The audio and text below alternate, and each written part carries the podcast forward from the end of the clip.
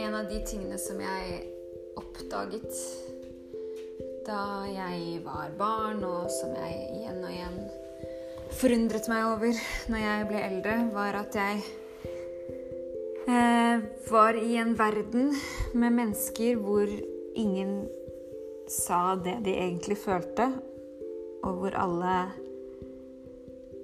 løy på en måte om hvordan de opplevde ting, eller hvordan de hadde det. At de drev et slags skuespill om alt. Og um, jeg skjønte ikke vitsen med det. Og jeg syntes det var slitsomt og frustrerende. Um, og i tillegg så oppdaget jeg jo med årene dypere og dypere hvor utrolig såret og traumatiserte og underutviklet så jævlig mange av oss er i relasjonsdynamikker. Og ja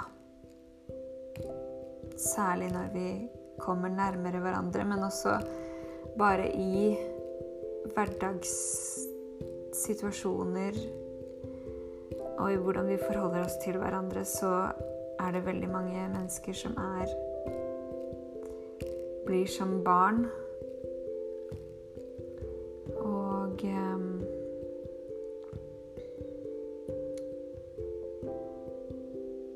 Det er noe som jeg har oppdaget tydeligere og tydeligere ettersom jeg har utforsket traumer og hatt um, terapeutisk utforskning med meg selv òg. Og blitt kjent med de yngre delene av meg selv. Da er det også lettere å se yngre deler i andre.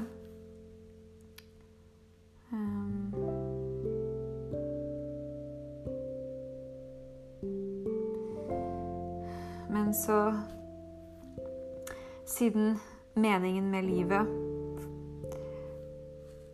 skulle være kjærlighet og nærhet og relasjoner At det er relasjoner som er is the thing in life. Og jeg følte at jeg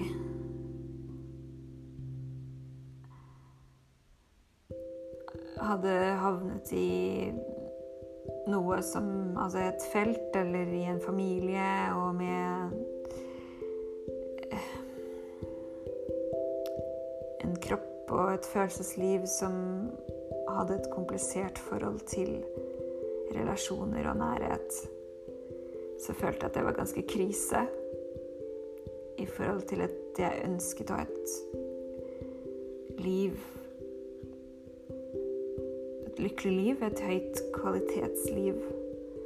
Et liv høy, av høy kvalitet og um, mye glede, meningsfullt.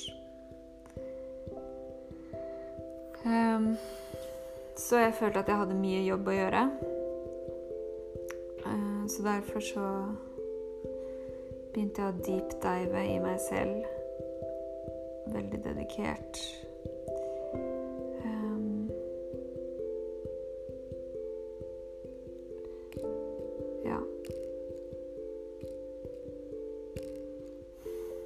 Og det er vakkert. Og det er jo litt trist også at vi har så mange De dypeste sårene og traumene våre er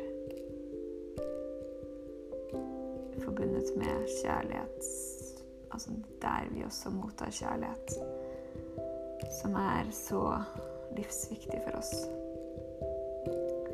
Det gjør livet kan gjøre livet komplisert. Og det gjorde livet mitt veldig komplisert Inntil jeg begynte å gjøre terapi og begynte å jobbe med meg selv.